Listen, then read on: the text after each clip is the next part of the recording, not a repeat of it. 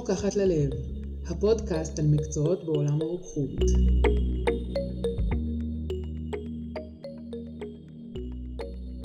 שלום לכל המאזינות והמאזינים, ברוכות וברוכים הבאים לפודקאסט הראשון שעוסק בתחום הדי נישתי של כל התעסוקה שיש למקצוע הרוקחות להציע. או במילים אחרות, אה, טוב, אז הלכתי ללמוד רוקחות, הוצאתי רישיון, מה הלאה? אילו תפקידים אני יכולה למלא ולאן אפשר להתפתח מהם. אז אה, מה בעצם הולך להיות לנו? בכל פרק אני אראיין רוקחת או רוקח שעוסקים באחד התפקידים שאפשר להגיע אליהם אם למדת וקיבלת רישיון ברוקחות. נדבר על מה עושים בתפקיד, איך מגיעים אליו, איך נראית שגרת היום ולמי זה מתאים. אז אה, בין אם אתם רוקחים, סטודנטים לרוקחות או מתלבטים האם ללמוד את המקצוע, או סתם סקרנים, אני יודעת שתפיקו המון ערך מהקשבה, מהקשבה לפודקאסט וגם תיחשפו לכל מיני תפקידים שאולי לא הכרתם ואולי תגלו אפילו לאן אתם רוצים להגיע. אז בואו אספר לכם קצת על עצמי אה, ועל הדרך שעברתי עד עכשיו. אז אה, קוראים לי שירה, אני רוקחת בוגרת בן גוריון, אה, רוקחת כבר מזה שמונה שנים בערך עם אה, ניסיון מאוד מגוון. אה, אני עבדתי גם בקהילה, גם בבית חולים, גם בחברה בתחום ההדרכה ואפילו בחברת הייטק. אה, חלקכם מכירים אותי אולי מערוץ היוטיוב והפייסבוק של התרופה הכי טובה אה, ולמי שעדיין לא עוקב אחריי, כאילו תעשו לעצמכם טובה ותעקבו אחריי למה אתם מחכים. ונתחיל בשאלה. אתם זוכרים מה רציתם להיות כשתהיו גדולים? אני זוכרת uh, מה אני רציתי. אני רציתי קצת מביך להגיד את זה בקול, אבל אני רציתי להיות מהאלה שהם מתלבשים uh, בבגדי חאקי ומאכילים גורי אריות אפריקאים מבקבוק למחייתם. כן, עד כדי כך uh, ספציפי. אני גם רציתי להיות מאמנת פוקימונים, אני עדיין רוצה להיות מאמנת פוקימונים, uh, רופאה, אסטרונאוטית, מדענית. בקיצור, הבנתם, אף אחד מהמקצועות האלה לא הייתה רוקחת. אה, ובכלל אני לא חושבת שיש הרבה ילדים שחלמו להיות רוקחים. אז איך בכל זאת התגלגלתי למקצוע הזה? אה, הייתי בערך בת 19, אחרי שירות לאומי בבית אבות, ואחרי התנדבות במד"א.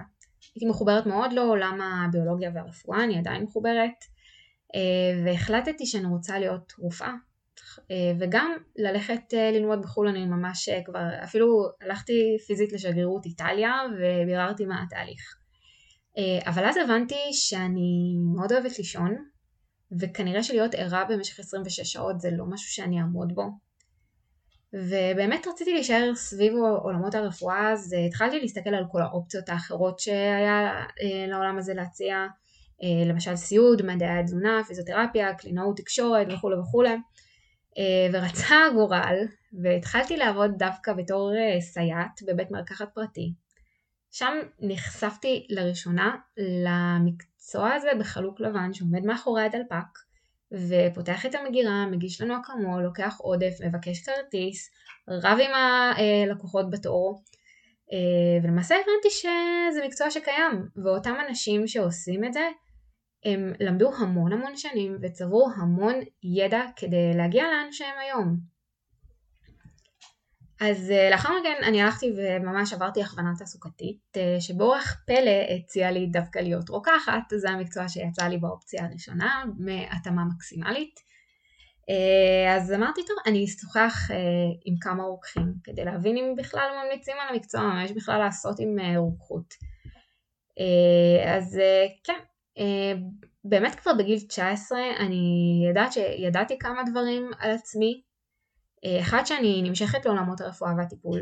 אני אוהבת uh, להיות באינטראקציה עם אנשים, אל דאגה זה עבר לי.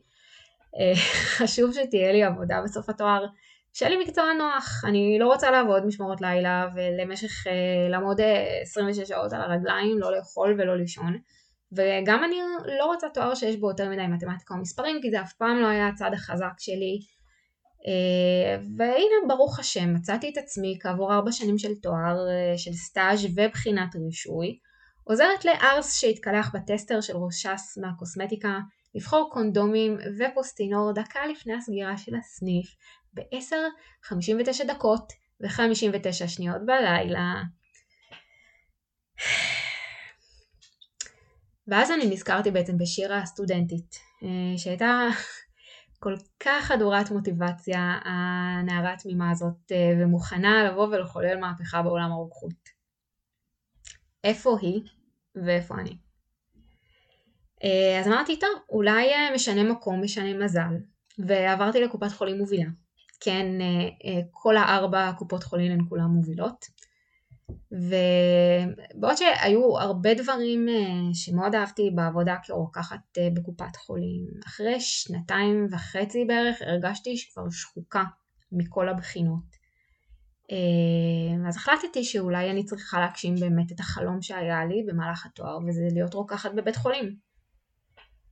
אז עברתי לבית חולים וגם שם היו המון דברים שמאוד מאוד אהבתי לעשות, אבל אה, במכלול הגורמים העבודה פשוט לא התאימה לי. במקביל עבדתי בחברת Success Farm, שזו חברה מספר אחת לקורסי הכנה לבחינת הרישוי ברוקחות. אם אתם אה, זקוקים לעזרה בנושא הזה, זו החברה לפנות אליה. כבר לא עובדת שם, זאת לא פרסומת, ממליצה מחום. אה, ודווקא שם מאוד מצאתי את עצמי מבחינת תחום העניין וכל המסביב, אבל אה, זו הייתה עבודה שהיא לא במשרה מלאה אה, וצריך להכניס כסף הביתה, בכל זאת כבר הייתי עם ילדה אחת. ובאמת הגעתי לתקופת חופשת הלידה השנייה. עזבתי את בית החולים, וממש קצת אחרי שעזבתי קיבלתי הצעה לעבוד על פרויקט בחברת הייטק. כן, חברת הייטק. אה, זו הייתה חוויה שפתחה לי את העיניים מהרבה בחינות. אה, אני קודם כל גיליתי שיש דבר כזה הפסקת אוכל. וואו, שני חיים. ויש מטבח במקום עבודה שמציע אשכרה 50 סוגים שונים של טיונים, חלב רגיל, חלב סויה ומכונת קפה. אבל uh, מעבר לזה, גיליתי את הדבר הכי חשוב, שיש הרבה יותר במקצוע שלנו יש הרבה יותר מה לעשות במקצוע שלנו ממה שחשבתי בהתחלה. אבל הפרויקט הזה הסתיים לצערי הרב, ושם הגעתי לסוג של נקודת שבירה. החלטתי שזהו.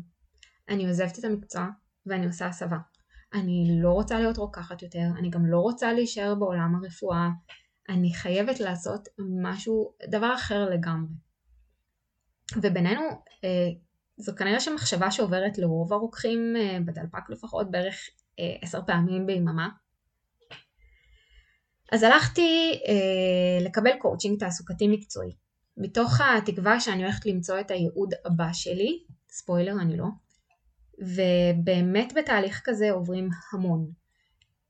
אנחנו מבינים את החולשות והחוזקות שלנו, את הצרכים, הרצונות שלנו, את סדרי העדיפויות, גם האישיים וגם המקצועיים שלנו, והכי חשוב מקבלים כלים לקבלת החלטות. Uh, עכשיו כל התהליך מכוון אותנו לעבר תוצאה הכי טובה עבורנו אבל בסופו של דבר אף אחד לא יכול לקחת את ההחלטה הזאת במקומנו. זו החלטה שאנחנו אמורים לקבל בעצמנו שאמורה להגיע מתוך תוכנו. ובאמת סיימתי את התהליך ועדיין לא הייתה לי תשובה מה אני רוצה להיות כשאהיה גדולה. ולמעשה מאז אותו תהליך אני לא מפסיקה לחקור את עולמות התעסוקה את המניעים הפנימיים שלנו בעת uh, התהליך של קבלת החלטות שנוגעות לעולם הזה, uh, מה מוביל אותנו uh, לעסוק דווקא בדברים מסוימים, להימשך לתחומים מסוימים, מה מכל זה אלה מחשבות, רצונות שהן באמת שלנו, ומה מכל זה הם רצונות של אנשים אחרים וקולות חיצוניים שמשמיעים לנו הרבה. אבל תוך כדי שאני מחפשת את עצמי שזה ממש טוב ויפה ונחמד ומקסים, צריך להרוויח כסף איכשהו להאכיל שני ילדים ומשפחה, כן. אז uh, החלטתי להיכנס למשרה חלקית וזמנית בבית מרקחת פרטי. וכמו שאומרים שהזמני הוא לפעמים הכי קבוע, מה שלא ידעתי זה שכעבור uh, שנה אנחנו נזכה במכרז של קופת חולים לאומית uh, לפתח ולהוביל שירות שנעשה לראשונה בישראל שירות uh, שליחת uh, תרופות עד הבית שמתבצע באופן מקוון באונליין מההתחלה ועד הסוף. אני בעצם הייתי חלק מהצוות המקים ולאחר מכן תפעלתי את הפרויקט ובאמת שזה היה וואו זה היה סופר אינטנסיבי to say the least למדתי מזה המון גם מבחינה מקצועית אבל גם uh, ברמה האישית ואני לחלוטין הולכת להקדיש לזה פרק uh, בפני עצמו על כל החוויה הזאת. אבל לצערי בארגון חלו שינויים שבעצם הם הובילו לשינוי של המבנה הארגוני, התפקיד שלי שינה צורה והבנתי שהגיע הזמן להמשיך מפה והלאה ואולי אני צריכה להמשיך מאיפה שהפסקתי וללכת לעשות את ההסבה הזאת שאני מתכננת אותה כבר שלוש שנים. אז התחלתי ללמוד תכנות בפייתון דרך ארגון She-Codes, ממליצה בחום כל מי שזה מעניין אותה על ה... להתחיל ללמוד תכנות דרך הארגון. ובאמת חשבתי לתקופה שאני הולכת לעשות הסבה לתכנות. אממה, תוך כדי שהייתי בשי-קודס, אה, שימשתי כמנהלת המדיה של הקבוצה, אה, קבוצת אשדוד, של סניף אשדוד, והבנתי שאני ממש ממש אוהבת את זה. אני ממש נהנית מזה, ליצור אה, גרפיקות, לכתוב טקסטים, להניע קהילה, בעוד שאת התכנות זה היה נורא מעניין, לא משהו שאני רואה את עצמי עושה על בסיס יומיומי. הידע זה נחמד, הידע, כל ידע שרוכשים בחיים זה נחמד, אבל זה בהחלט לא משהו שאני רואה את עצמי עושה במשך אה, שמונה שעות ביום לפחות.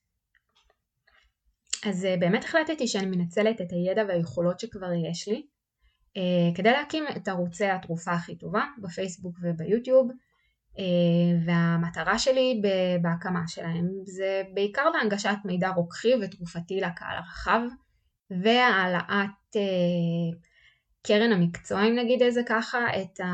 איך שהקהל הרחב תופס אותנו מבחינה מקצועית שזה גם משהו שמאוד חשוב לי אה, אבל מעבר לתרומה האלקטרואיזם הזה לקהילה אני חייבת להודות שזה גם תורם לי לא פחות זה מהווה סוג של אאוטלייט ליצירתיות שלי, שפחות באה לידי ביטוי במקצוע שלנו, אה, וגם קצת מגשים את החלום שלי להיות אה, סטנדאפיסטית. כן, זה עוד יקרה. אה, איפה היינו? אוקיי. אז עוד דבר שקרה בדיוק באותה תקופה, ובאמת מזמן לא דיברנו על זה, אבל התפרצה הקורונה. הנגיף, אה, הנגיף הזה טרף את כל הקלפים בכל מה שנוגע לעולם התעסוקה. אני מודה שהוא הצליח לבלבל אה, אפילו אותי, ככה שלקחתי החלטה ונשארתי בעבודה, בעצם חזרתי לדלפק. אה, לאותו מקום שבמידה מסוימת נשבעתי לא לחזור אליו. אז מסקנה never say never, אין לדעת לאן החיים יקחו אותנו.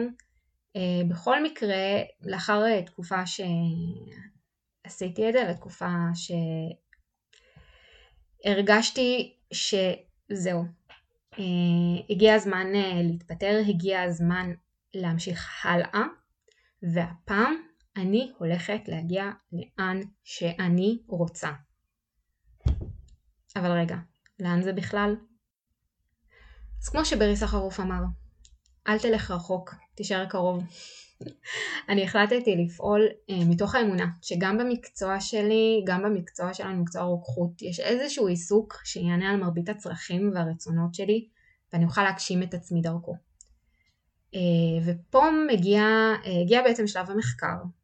אני התחלתי מלדבר עם חברים, לחפור במודעות דרושים בלינקדאין, להבין מה מחפשים, להבין מה אפשר לעשות. ואז הבנתי שיש, וואלה, לא מעט שכאילו אפשר לעשות עם המקצוע שלנו. אה, החל כאילו מתפקידים מגוונים בדלפק אה, עד אה, לעולם של הקנאביס שנמצא היום בצמיחה, סטגדוש. עולם הרגולציה, ניטור תופעות לוואי, עולם של מחקרים קליניים, הבטחת איכות. בקיצור, יש המון. אבל במקביל לזה, שזה כנראה לא חידשתי לכם, יש לא מעט רוקחים ורוקחות שנכנסו לנישות מאוד לא סטנדרטיות. כשאומרים לא סטנדרטי אז אה, אומרים אה, שירה, לטוב ולרע, אה, והחלטתי שאני רוצה להכיר אותם. אני רוצה לשמוע על מה שהם עושים, מה הם האתגרים שהם ניצבים מולם, איך הם הגיעו לשם בכלל. ואני לא רוצה לשמור את הידע הזה רק לעצמי. אני חושבת שלכל מי שעוסק במקצוע הבאמת מיוחד שלנו מגיע להיות איפה שהוא רוצה ולעשות תפקיד שממלא אותו, שנותן לו סיפוק ושעונה על מרבית הצרכים שלו. וככה נולד בעצם הרעיון של להקים את הפודקאסט הזה ולהפיץ את הידע כמה שיותר הלאה. אז אה, למעשה, וכבר אנחנו מגיעים לסוף, אה, בכל פרק אני אראיין רוקחים שעוסקים במגוון תפקידים ואנחנו נספק לכם הצצה על החלקים הזוהרים יותר והזוהרים פחות של כל תפקיד במקצוע, אז בהחלט יש למה לחכות. וזהו, עד כאן להיום, כן רוקחת ללב, ואנחנו נתראה בפרק הבא. להתראות.